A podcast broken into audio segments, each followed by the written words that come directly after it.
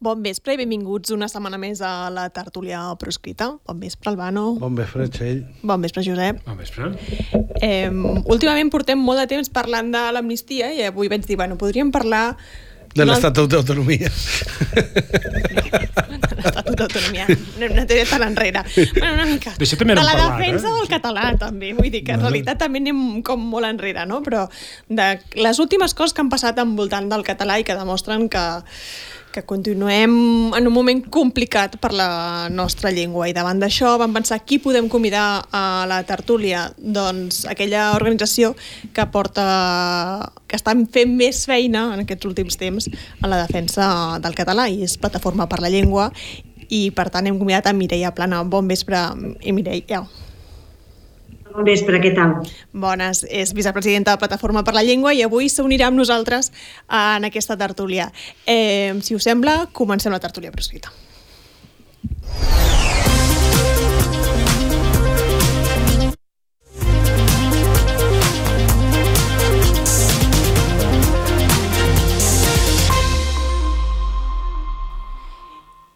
I Mireia, t'hem convidat principalment perquè ahir vau presentar de nou un informe on es demostra eh, que la situació del català està en problemes, sobretot amb, amb la gent més jove, no? Eh, vau presentar un informe conjuntament amb el Consell Nacional de la Joventut de Catalunya on es deia que només una conversa de cada dues entre infants de, claus, de caus i esplais de Catalunya es fa en català.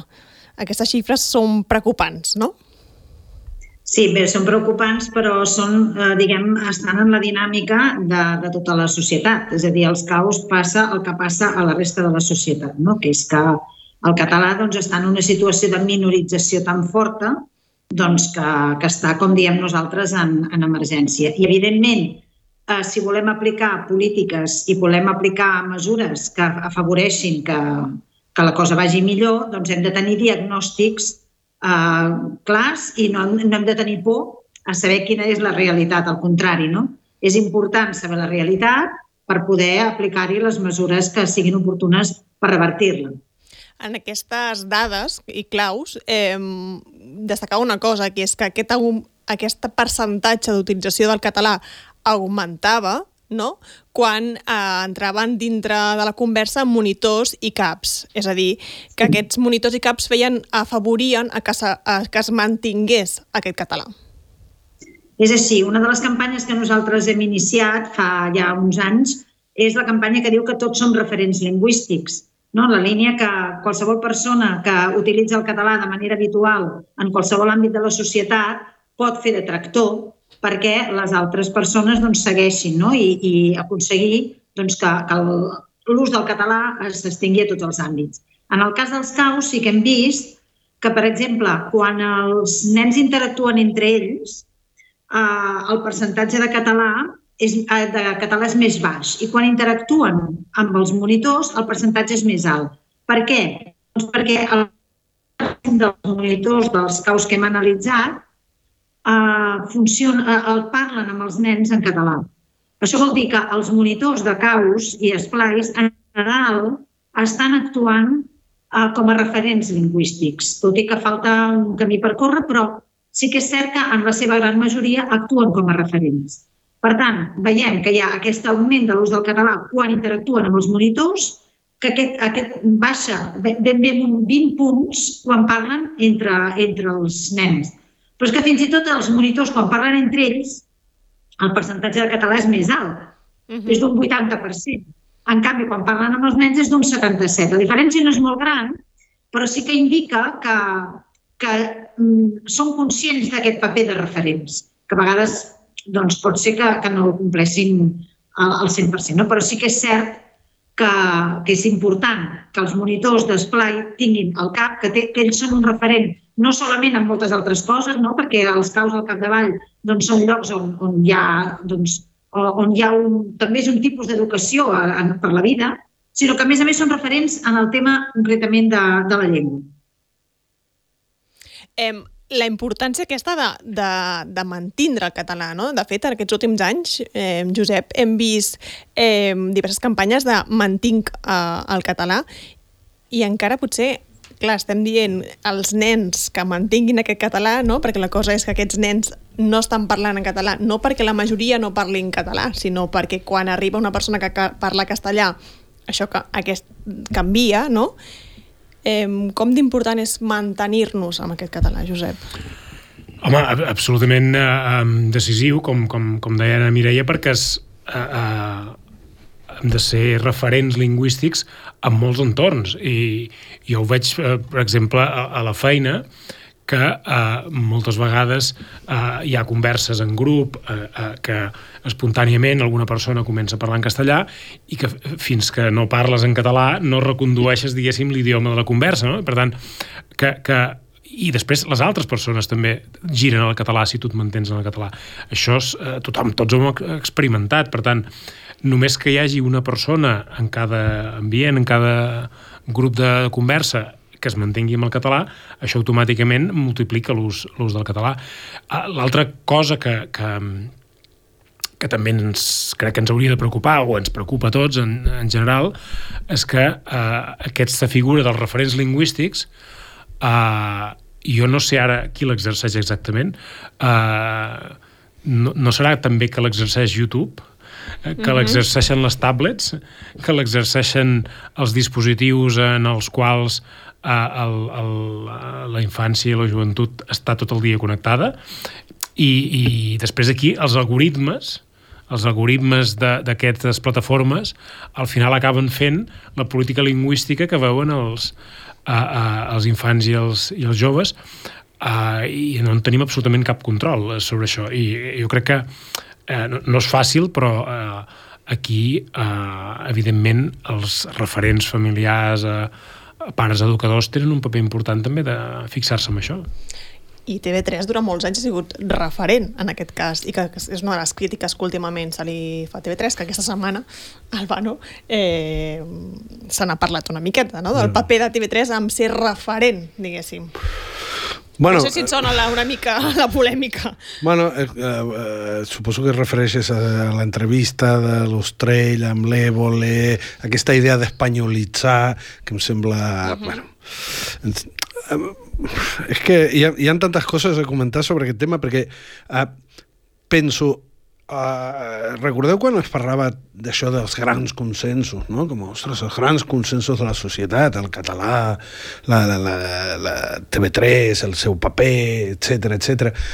Tinc la impressió com que si s'estiguessin trencant aquests grans consensos cap al costat de l'espanyolització. Fa, fa un temps, eh, cap persona d'esquerres amb cervell eh, faria una defensa, hagués fet una defensa oberta i clara per espanyolitzar TV3. Fa uns quants anys, espanyolitzar era el missatge de gent com José Ignacio Bert.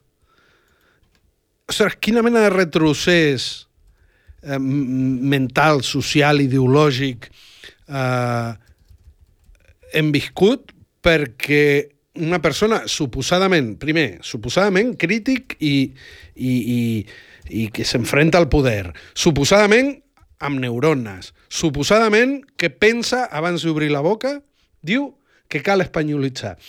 Em sembla, podem dir el que vulguis de Jordi Évole, demà faré un vídeo de Jordi Évole, però eh, podem dir el que vulguis, però em, em, em sembla que és un reflex del, de algo que se me escapa, de un retrocés general, de coses que estaven eh, superclares a, a, a la nostra societat i que de cop deixen d'estar-ho. I, i, I sobre això m'agradaria... Ara, per equilibrar la balança, jo ara abans d'entrar, jo no sé si ho he dit en alguna altra tertúlia, aquí a la cantonada hi ha un bar regentat per xinesos com, com tants, vull dir, no, no són uns xinesos especials, ni, ni són xinesos que no, són uns xinesos com els de qualsevol bar regentat per xinesos. Tu en aquest bar entres i demanes un tallat, hòstia, i se fa el miracle i et posen un tallat. No et diuen cortado? No, no. Tu entres, dius, un tallat, si plau. La noia agafa, fa el tallat, te'l dona el tallat i te'l cobra, com la cosa més normal del món. Aquí, a Poble Nou, vull dir que en teoria és una zona que... Per què ho dic, això? Perquè a mi em fa molta il·lusió, perquè si jo he entrat a aquest comerç i he demanat un tallat i m'hem posat un tallat, és que abans que jo havia entrat molta gent demanant un tallat. Perquè si no aquella noia no hagués sabut el que era un tallat. Mm, Però potser aquella noia ha anat a l'escola, eh? també t'he de dir. No, no, I per això, per- per- perquè per- jo també m'he trobat moltes vegades que som nosaltres mateixos que entrem i parlem en castellà. Per això t'ho dic. Perquè jo meu, posaré un exemple, eh? jo durant molts anys vaig treballar a BTV i, i, els cap de, i treballava cap de setmana, llavors anàvem a fer el cabet tot, tots junts a, a un bar també regentat per xinesos. Per suposat, el fill parlava català, però tots els meus companys es dirigien en castellà amb ell i jo cada setmana tenia la mateixa lluita de per què li parleu en castellà? Bueno, pues justament per això, perquè després després surt Colboni... Per un prejudici com el d'en Collboni. Ah, després en parlarem, suposo, però vull dir que ho, ho poso com a, com a equilibri davant de tantes males notícies. També hi ha un país que s'està defensant, no? I, i, I quan vas i entres i passa algo tan normal com dirigir-te a algú que està en un bar, sigui xinès o sigui d'on sigui, i demanar-li alguna en català i que aquella persona t'entengui i t'ho faci, uh, això ho hem de defensar, hem d'estar orgullosos, ho hem de cultivar, ho hem de treballar, ja sigui amb escoles, ja sigui fent-lo servir. Vull dir que, que Em, estic a punt de dir l'adreça del bar perquè tothom faci, però no, no ho faré. Eh, si us sembla, eh, i l'Aleix Pot, mirem aquest vídeo que parlava ara l'Albano de Collboni, on aquesta setmana s'ha fet polèmic. Els estudiants som històries de vida, realitats i circumstàncies que no es poden limitar a ser estadístiques, números i etiquetes socials. En la lluita contra la segregació educativa no sols estem defensant els drets dels en els barris perifèrics, sinó també un futur més just i equitatiu. La gente que estuvo en esos barrios hizo todo ese recorrido vital, como lo habéis hecho vosotros y vosotras, como lo han hecho vuestras familias que hemos saludado hoy aquí. Si en aquella época fue posible hacerlo, esta vez también va a ser posible hacerlo gracias, entre otras, a vosotras y a vuestro ejemplo. Muchas gracias y a luchar por ello. Mireia, veiem precisament el tuit de, de Plataforma per la Llengua que denunciàveu no? que, i dèieu que Collboni s'adreci en castellà a estudiants que parlen en català i que lluiten contra la segregació és paradoxalment segregar-los. Naturalment que és segregar-los, perquè és, és no permetre'ls l'accés a la cultura del país on viuen. No permetre'ls l'accés a, a, a relacionar-se socialment en la llengua del país on viuen.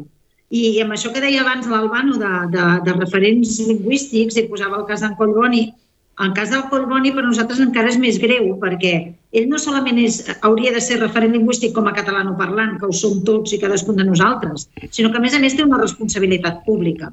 I per tant encara és molt més greu, perquè se suposa que ell, des de la seva responsabilitat pública, una de les tasques que ha de tenir és fer que totes aquestes persones que viuen en aquests barris on teòricament el català uh, no arriba tan fàcilment i pugui arribar fàcilment, perquè després aquestes persones tinguin les mateixes oportunitats que qualsevol altra.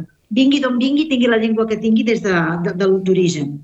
I això és evident que no s'està complint. La qual cosa estan, una vegada més, estem utilitzant la llengua per segregar persones.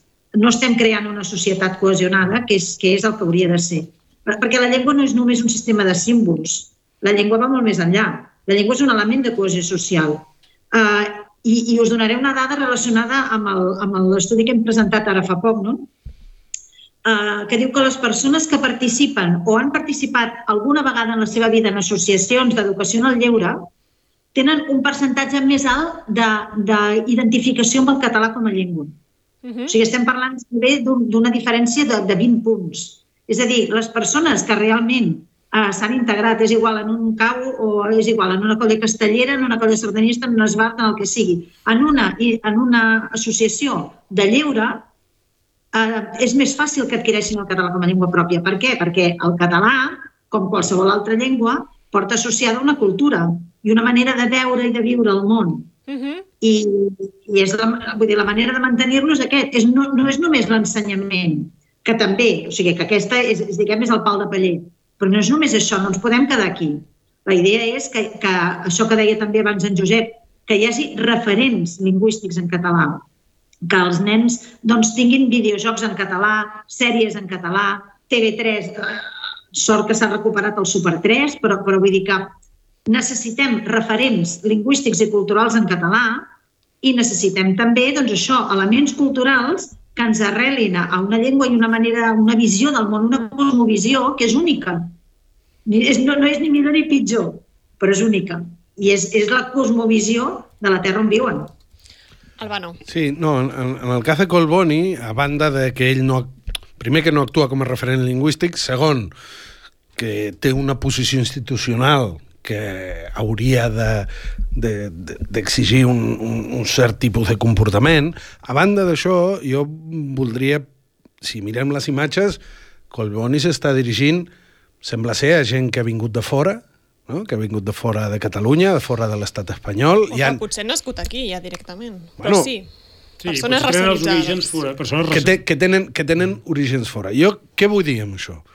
Moltes vegades, i és veritat que els moviments migratoris provoquen canvis en les estructures de la societat, això és evident, però jo voldria cridar l'atenció sobre un fet. Escolta'm, eh, eh, moltes vegades és molt fàcil assenyalar al, a l'immigrant que ha vingut, de dir, ostres, aquest és un perill pel català perquè no parla català o perquè no sé què, el perill pel català és Collboni, que, que, que normalitza eh, aquesta diglòsia, que normalitza aquesta estructura social on el català no se comparteix amb, amb la gent que ve de fora.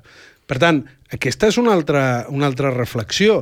A tota aquesta gent tan preocupada perquè, ostres, els immigrants ens eh, dilueixen i acaben amb la llengua. Escolta'm, eh, hem de ser valents i mirar cap, al, cap, a, cap allà on és el poder de veritat, no cap al que acaba d'arribar i que amb prou feines eh, se'n surt en la seva vida diària que està vivint un procés migratori. Hosti, de veritat ens ficarem amb aquella persona quan tens a tot un alcalde de Barcelona, amb tot el poder que té i amb tota la intencionalitat. Jo no me crec que Collboni...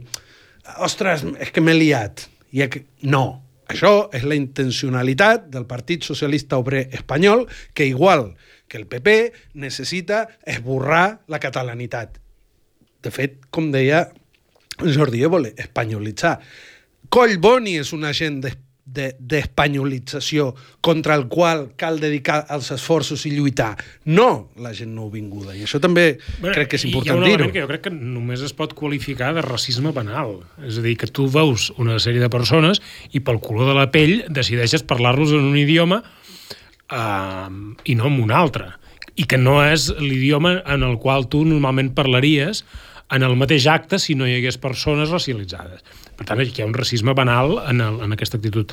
Però sí que és veritat que tenim un problema amb els referents institucionals del PSOE i del PSC, I uh, o del PSC PSOE, PSOE i també dels comuns, uh, i jo vull recordar que en el Parlament de Catalunya el PSC no parlava mai en castellà.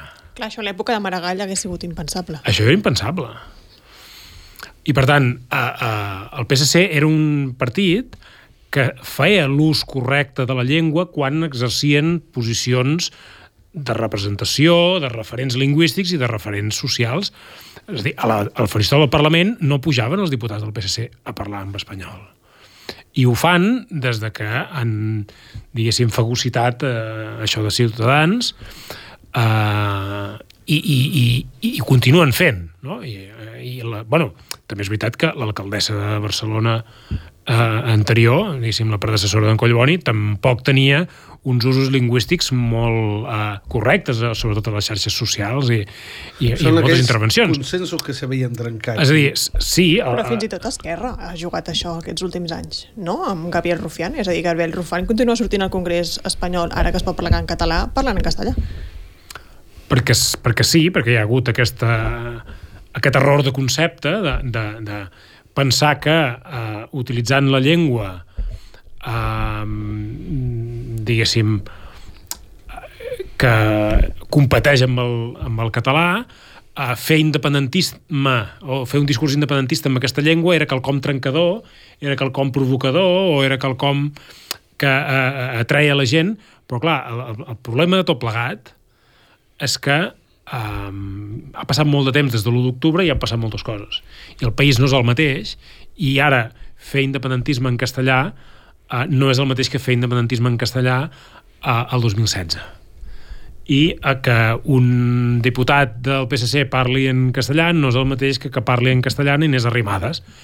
Uh, I, per tant, uh, bueno, hi ha determinades coses que no es poden normalitzar i el, la, el nacionalisme català no pot uh, renunciar, diguéssim, a un cert a, a un, un cert tibar al, al consens lingüístic una, una altra vegada cap al català. És que si no el tibes, va cap a l'altre costat. O perquè els altres estan tibant. Ah, clar que estan tibant. Això, això és el que a mi, em, em sobta. La, la... Sembla ser que, eh, òbviament, hi, haurà, hi ha una cosa, que, que hi ha un desplaçament del consens que, perquè bufa el vent. No, bufa el vent no. Quan tu deixes de, de tibar cap al teu costat, guanyen els altres. No, perquè, i a més, a, a, ara, abans parlaves d'en Jordi Évole, a, a, també s'han de desmuntar certes fal·làcies que s'han gastat, és a dir, en Jordi Évole diem d'espanyolitzar i després fa aquella explicació com dient, m'heu tret de fora de context, jo estava parlant de que la tele arribi a l'Hospitalet i Cornellà, no?, els barris... I perdoni, però, però, però què estàs dient? És a dir, que, que vols dir que eh, hem de privar a la gent que no parla castellà, català a casa de tenir accés al català? A veure, si en aquest país la immersió lingüística es va inventar a Santa Coloma Gramenet perquè la gent trobava que era de justícia, que era progressista, que era demòcrata, donar el català a la gent que no li donaven a casa, perquè era una qüestió de justícia i d'equitat que tinguessin el català com tots els ciutadans d'aquest país. Per tant, estem invertint completament el... el, el I ho està fent l'esquerra. Collboni, suposadament d'un partit d'esquerra, Évole, suposadament un, un, un... Fixa't, vull dir, per això dic que la, la, la, el trencament del consens...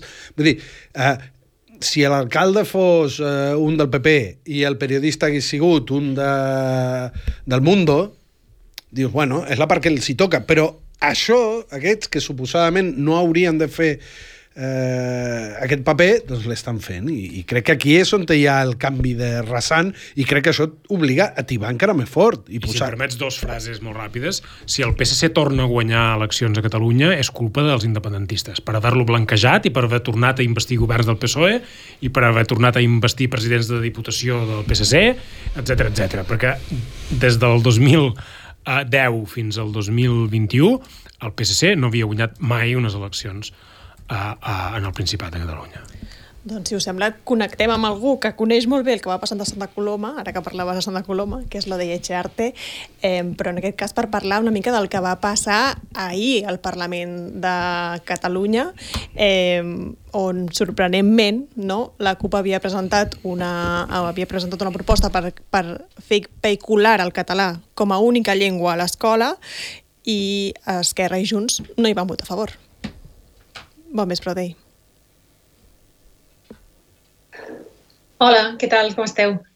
Doncs sí, el que va passar ahir al Parlament és que es va debatre una proposició de llei de reforma de la Llei d'Educació de Catalunya del 2009 que havia presentat la CUP i que proposava això, que, que el català figurés en els projectes lingüístics dels centres com a única llengua vehicular. S'ha de dir que és una proposta que la CUP va registrar el març del 2022, en, a, en el marc en què els partits debatien com respondre a la imposició judicial del 25% de castellà per llei. La CUP va fer aquesta proposta, però com sabem no és la que, va, la que van acordar la majoria de partits, no? que van arribar a un consens PSC, Esquerra, Junts i Comuns per fer el que aleshores es va dir la llei del català, que, que intentava esquivar els percentatges de la llengua a l'escola i en aquest cas eh, donava el caràcter al castellà de llengua d'aprenentatge i d'ús curricular.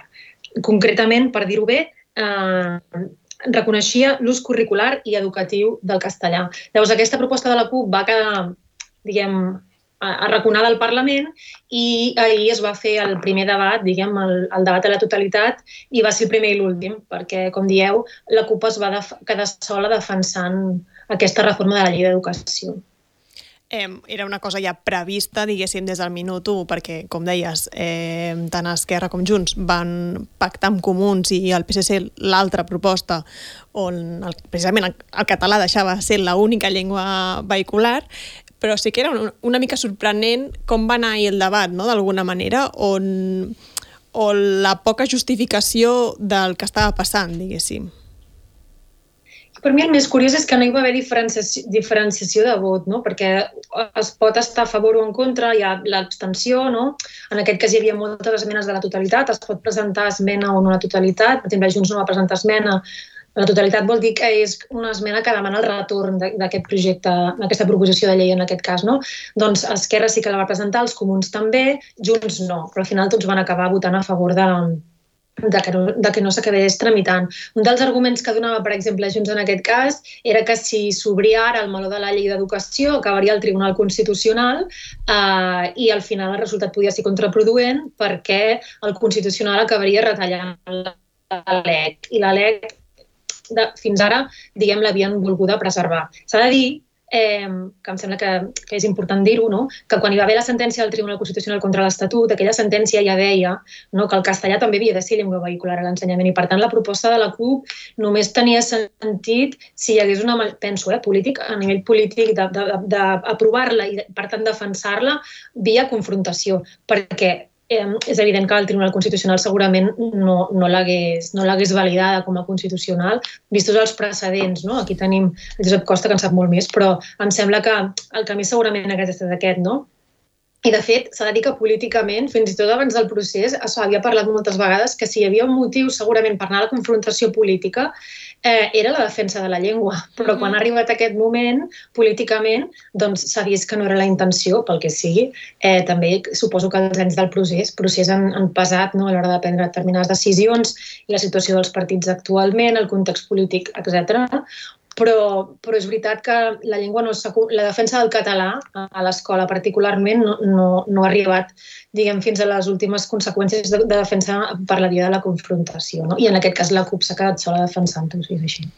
Moltes gràcies, Judei, per posar-nos al dia i fins la pròxima. Moltes gràcies a vosaltres, que vagi bé bona tertúlia. Veia l'Albano fent gestos no, bueno, per, perquè, perquè a, a, aquesta idea de no, és que si aprovem això acabarà en el Constitucional i per tant... Bueno, però és que justament davant d'una realitat que és la que és, i és que el català cada vegada té menys amics i molt més enemics mm -hmm. i menys parlants, doncs justament tu com a... És que, ostres, és que el Parlament és una, és, és una, una eina política, ha de fer política. Què millor política davant d'un fet constatable que ens explica la Plataforma per la Llengua dia sí dia també sobre els problemes que té la llengua, doncs tu com a força política tens dues obligacions. Solucionar-ho i posar totes les eines necessàries a l'abast de la solució d'aquest problema i si no tens les eines necessàries, que sembla ser que no les té el Parlament de Catalunya per assegurar i blindar la llengua catalana, si no pots fer això, llavors te queda una altra cosa i és assenyalar on són els culpables. Que em diguis, no voto a favor d'això, perquè si igualment el Tribunal Constitucional acabarà rebutjant-lo, bueno, però és que justament aquesta és la teva feina, assenyalar i ensenyar a la gent on és el problema. El problema on és? En la CUP, al Parlament de Catalunya, els profes a l'escola, el problema es diu Espanya. I si tu no vols fer alguna que et posi davant de la veritable muralla amb la que et trobes, doncs en realitat el que estàs fent salvant-li el cul al Tribunal Constitucional, per no obligar-lo a dir clarament que són ells els que imposen el castellà. I aquí hi ha una altra cosa, que és que abans de l'1 d'octubre fèiem la llista de les lleis tombades pel Tribunal Constitucional com a arguments per votar que sí en el referèndum, no? Clar, habitatge... O sigui, teníem la llista sencera de 12 o 15 o 17, no sé quantes, eh, ara no record ja, però que eren, era un número de dues xifres de totes les lleis que durant els últims anys s'havien anat aprovant i que el Tribunal Constitucional, el canvi climàtic, a, a, totes aquestes lleis que s'anaven eh, carregant per un Tribunal Constitucional que ara crec recordar que ens han venut, ens han explicat que ara ha canviat el Tribunal Constitucional, que ara ja hi ha un Tribunal Constitucional progressista és a dir, des de que es va aprovar la llei el 2022, des de que es va eh, a, a fer aquest debat d'acatar les sentències judicials i de no, de, de no confrontació i de mantenir els, els pactes amb el PSC pel tema de la llengua, que el PSC no el compleix, pel que hem vist abans. Eh?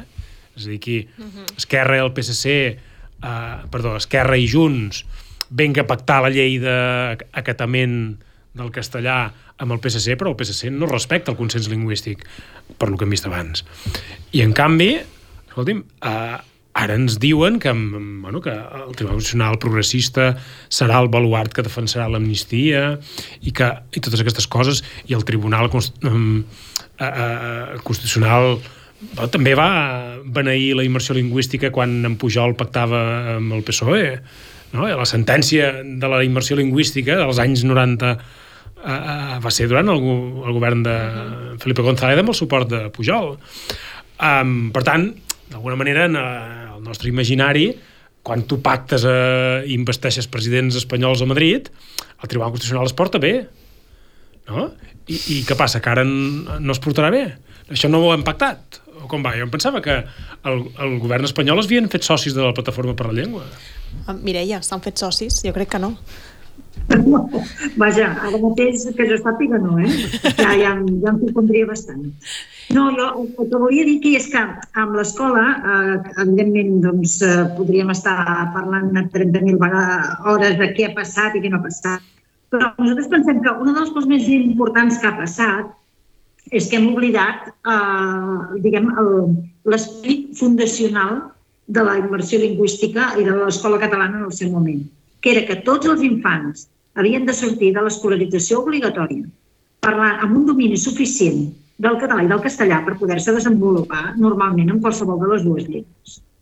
Aquest és l'esperit fundacional. Aleshores, tot el que ha de fer l'escola, segons el, la situació, el que nosaltres en diem el, el, la CLA, no? que és la condició lingüística ambiental, és a dir, si tu estàs en un barri on, on la presència del català és, és minsa, doncs l'escola el que ha de fer és compensar aquesta poca presència del català, augmentant-la, de manera que la gent que surti d'aquella escola, ja que té aquestes mancances, diguem, culturals o socials per aprendre el català fora de l'escola, el pugui aprendre com a mínim dins de l'escola. Uh -huh. I, per tant, després, si buscar una feina allà on sigui, tingui les mateixes oportunitats un nen doncs, d'una doncs, zona on la condició lingüística ambiental sigui alta. I el que s'ha fet és just el contrari, és dir, home, si en aquest barri hi ha molta gent que parla castellà, el més lògic és que l'escola sigui en castellà.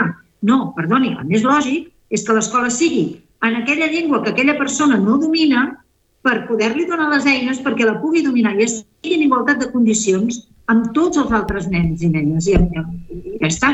I, I aquesta premissa l'hem oblidat, l'hem deixat enrere. I estem parlant de moltes altres coses, però la premissa ara per ara, amb immersió o sense immersió, la premissa continua sent aquesta.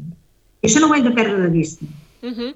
eh, de fet, ara m'ha vingut al cap un reportatge que va, va fer la Clara Ardèvol fa dos anys, jo crec, que era com feien aquesta immersió a, a la Bressola, a la Catalunya Nord, no? i com la importància de, de que aquesta llengua es parlés al pati, es parlés a tot arreu, com els professors s'implicaven també en el pati, perquè aquesta llengua entrés en el dia a dia d'aquests nens que a casa seva segurament parlen francès.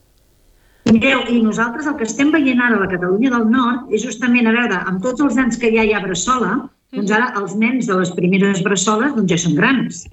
I ara aquests nens que ja doncs, potser tenen 30 anys, no? entre 20 i 30 anys, ara què estan fent? Doncs ara estan demanant eh, actuacions, actes culturals en català i estan fent, doncs, són els que estan pressionant perquè hi hagi música en català, són els que estan demanant, o sigui, ara necessiten consum en català i per tant l'estan reclamant. Doncs això és una mica el, el mateix, és a dir, si tu tens el coneixement assumit i si tens amb el coneixement, tens assumit la cultura, que és el que dèiem abans, després tu necessites també consum cultural i el reclames. I si hi ha demanda, hi ha oferta. I es comença a engegar la roda que és el que ara molt tímidament està començant a engegar-se a, a la Catalunya del Nord, molt tímidament, tot s'ha de dir, perquè tot costa molt, allà, allà tot costa molt més encara, no?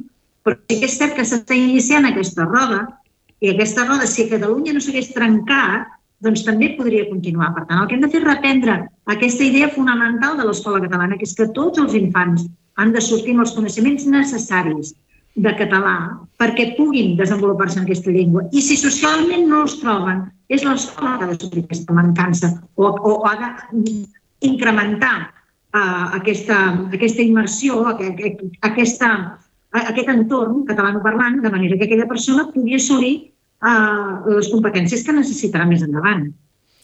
Clar, tot això, a més a més, estem parlant de l'escola i estem parlant del Principat, però clar, ens trobem en una situació molt complicada a la resta dels països catalans. És a dir, ens trobem que aquesta setmana, de fet, ahir mateix, es va conèixer el que serà el pla pilot per la segregació lingüística que ha presentat el govern de les Illes.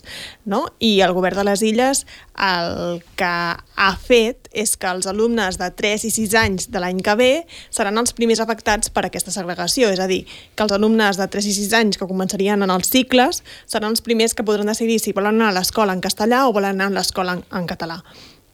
Clar, ells ells tiren pel dret. Ells no tenen problemes en la llei ni si s'aprovarà o no s'aprovarà, Josep. No, però tenen davant una societat civil i un sector educatiu molt ben organitzat. També és cert. Um, que l'última vegada que li varen donar a decidir a la gent en quina llengua volien l'ensenyament, uh, ho varen suprimir uh, al cap d'un any, perquè la gent va triar català. Uh -huh. um, I per tant, veurem, eh? és a dir, veurem uh, si uh, això realment des desemboca en una segregació o desemboca amb una diguéssim, amb una societat conscienciada que, uh, per molt que es digui, al final, tota aquesta retòrica que es fa, uh, inclús mm, abans ho citaves, inclús per gent com en Rufián, Esquerra Republicana, aquesta retòrica metropolitana, d'identitària, eh, mm, que s'identifica, diguéssim, amb el castellà, etc. Tot això eh, eh, no sabem on porta exactament, però al, al, a la pràctica eh, tots sabem que són quatre gats els que demanen ensenyament en castellà. És dir, jo, jo no, no ho estic proposant, però eh, jo, a mi m'agradaria saber si algú en un moment determinat s'atrevís o imposàs una elecció de llengua a les escoles del Principat, quanta gent defensaria que l'ensenyament fos en castellà? És que al final, eh, possiblement, si hi hagués una elecció conscient, potser hi hauria més català que ara. Uh, si, si, si es pogués decidir, perquè la gent que té clar que l'ensenyament ha de ser en català i que hi ha d'haver immersió, és més conscient que mai, eh, potser, de que ara no s'està complint això, i, i potser si, si, si hi hagués una, una norma que digués que els professors s'han de sotmetre en el criteri extern d'algú altre que els diu en quina llengua han de fer l'ensenyament, potser hauria més català que ara, que, no, que foten el que volen. Mm, ara Mireia m'ha vingut al cap Mireia m'ha vingut al cap just una entrevista que vam fer a la web que deies no volem de cap manera la doble línia a Catalunya. Bé, a veure, de moment és el que sostenim. Uh, dic de moment perquè no se sap, no? com van sent les coses. Però nosaltres el que, el que pensem és, és això que dèiem abans, no? És a dir, necessitem donar les eines a les persones perquè es puguin eh, desenvolupar en català. Aquestes eines només es poden donar amb un sistema que tracti totes les persones igual. En el moment en què tu eh, estableixes dobles xarxes, tindrem persones que no tindran el català ni la cultura catalana ben assumides i després aquestes persones, a més a més, podran, perquè tindran i tindran tot el dret, només faltaria, podran accedir doncs, a llocs públics, podran accedir a feines d'atenció al públic, on, com que evidentment no hauran après el català, no, no hi haurà diguem, tanta força per demanar que parlin aquesta llengua com en altres, en altres ocasions. I si es posa com a requisit, aleshores tindrem tot un seguit de persones que diran home, no pots posar com a requisit una cosa que tu no m'has donat l'oportunitat d'aprendre. La qual cosa, tota la situació social encara serà molt més complexa que ara. Hi ha una cosa important, i és que això que deia en Josep ara és, és, és clau.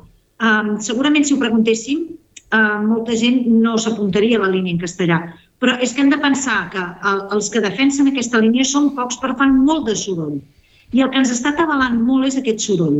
Per tant, hem d'intentar mantenir el cap fred i evitar el soroll, anar a l'arrel de, la, de la qüestió, eh, què és el que realment, uh, quin és el, el punt realment, no? que és el que dèiem abans, i, i, seguir, i seguir i seguir, continuar en la línia doncs, d'això, de, de, de pensar que, que la llengua ha de ser un element de cohesió social. Si més endavant ens hem de replegar, eh, ja ho veurem, doncs, i som, vull dir, podem fer-ho, però, però en principi això no ha de ser així i que hi ha molt més soroll que matèria real. Això també n'hem de ser conscients. Uh -huh. Ara, parlant de tot això, em venia al cap que aquesta setmana dilluns publicàvem a VilaWeb una entrevista a Eduard Riudavets, director de l'Escola Barduna del Raval de Barcelona, que recomano a tots els que ens estiguin seguint que, que la llegeixin, no? perquè ens explicaven això, que tenen alumnes de 29 nacionalitats i sempre els professors es relacionen amb ells en català i és una escola d'èxit mm. i amb, que obté molts bons resultats amb aquesta metodologia. Vull dir que també s'estan fent coses molt ben fetes sí. al nostre país. No, i, i, a veure, jo estic en contra de la doble línia, però eh, el, el meu argument és que si mai es posés damunt la taula n'hi hauria una buida de línia. Sí, sí. Uh, i, per tant, uh, tot aquest soroll que es fa dient que es vol ensenyament uh, uh, en, en, en lliure elecció de la llengua amb l'ensenyament, està creant una falsa ficció que és que hi hauria, hi hauria gent realment massa crítica de, per fer una línia d'ensenyament uh, uh, que fos en castellà. Bàsicament, per, per l'experiència d'Eivissa, que jo he viscut de prop, que és que allà, uh, quan la gent li van donar a uh, triar si volia castellà o català, van triar català, i, i demogràficament uh, la transmissió de la llengua estava una mica diguéssim, precària. No? Allà. Per tant, justament perquè està precària, varen entendre que l'ensenyament havia de ser en català. I, i per tant, no, no, tampoc no ens hem d'atabalar tant amb aquesta sensació de que per la precarietat eh, eh, eh, no podem fer segons quines coses perquè en realitat la, la precarietat eh, eh, porta que la gent volia aprendre. I abans en Albano hi ha una cosa que el volia reprendre, que, que deia en Albano que, que ho relacionava també amb els canvis demogràfics i amb, amb el creixement de la població i amb la immigració. Uh, no ens enganyem. És a dir, el, els pollastres lingüístics que tenim en aquest país són uh, personatges com aquest de de, de la banda de música de Barcelona que munta un pollastre perquè no s'ha presentat a la seva plaça perquè no complia els requisits per ocupar-la, diguéssim, no? I, i, i diuen que l'han acomiadat. No, perdona, vostè no compleixes la titulació per tenir aquesta plaça i no t'has ni presentat perquè no pots. Ah, però tu no t'ha acomiadat ningú. Ah, és aquesta gent la que crea soroll. La gent ah, que ve de la immigració ah, d'altres països ah, s'integren lingüísticament sense cap problema. És a dir, aprenen la llengua, els immigrants aprenen la llengua del país on van amb extraordinària facilitat. És a dir, costa molt més gent autòctona aprendre una segona llengua que no a un immigrant. Els immigrants, per definició, aprenen la llengua del lloc allà on van. El problema que tenim és un altre. El problema és que ningú els hi expliqui bé quina és la llengua del país. No. I que en Collboni els hi parli amb una llengua que no és la llengua del país i, per tant, els hi estigui transmetent que eh, la llengua que han d'aprendre per viure a Catalunya no és la llengua del país. No. Aquest és el problema. Per, per, Però per la, això... la immigració sempre aprèn la llengua a qualsevol lloc del món que va. Per... La, la, la, la immigració, que em perdonin, eh, que, perquè ja està bé, eh, de, de, de demagògia i de xenofòbia i, i de, bueno, i de per, tantes per... històries, la immigració mai en lloc del món ha estat un problema lingüístic. Per això jo et deia, per això jo et deia que eh, el problema no el tenim en la immigració, el tenim amb gent com Colboni, que té molt més poder i que, a més a més, fa el que fa perquè té una adscripció i un objectiu d'espanyolitzar, que és el que demanava l'Ebre. Bueno, perquè, perquè, perquè hi ha un estat espanyol que espanyolitza. No, no. Ara, en aquests moments, com que som un país sotmès eh, políticament i jurídicament en contra de la seva voluntat a un estat foraster, lògicament, si tu vols eh, eh adquirir, la, tu ets un immigrant i vols adquirir la nacionalitat espanyola, et fan un examen de castellà perquè és la llengua espanyola i et volen espanyolitzar. Yeah. Si ets immigrant, també et volen espanyolitzar. Uh, això ho fan tots els països del món, fer-te un examen de llengua. I els immigrants, a, a ningú qüestiona que li facin un examen de llengua per tenir un permís de residència, per tenir una nacionalitat del país allà on s'ha anat a viure. El problema és la manca de sobirania d'aquest país i el problema és uh, de no haver fet la independència i d'haver, uh, diguéssim, embarrancat aquest projecte de independència i haver-se uh, uh, d'alguna manera pensat, alguns, i això hem comentat moltes vegades, que podíem tornar a ser com abans, com si res no hagués passat. Ah, I el problema eh, és, és això que dèiem eh, fa tants anys, eh, i que jo crec que tots ens en recordam, de que eh, eh, un poble sense estat, una nació sense llengua. Yeah. No? I per tant, eh, aquí cal, eh, el de sempre, no girar, no canviar la conversa cap a altres debats, quan la conversa important és la sobirania del país, és l'autodeterminació, és la independència i és tenir un estat propi. Si fóssim independents, quan siguem independents, no hi haurà mai problemes lingüístics d'aquest tipus. Sí.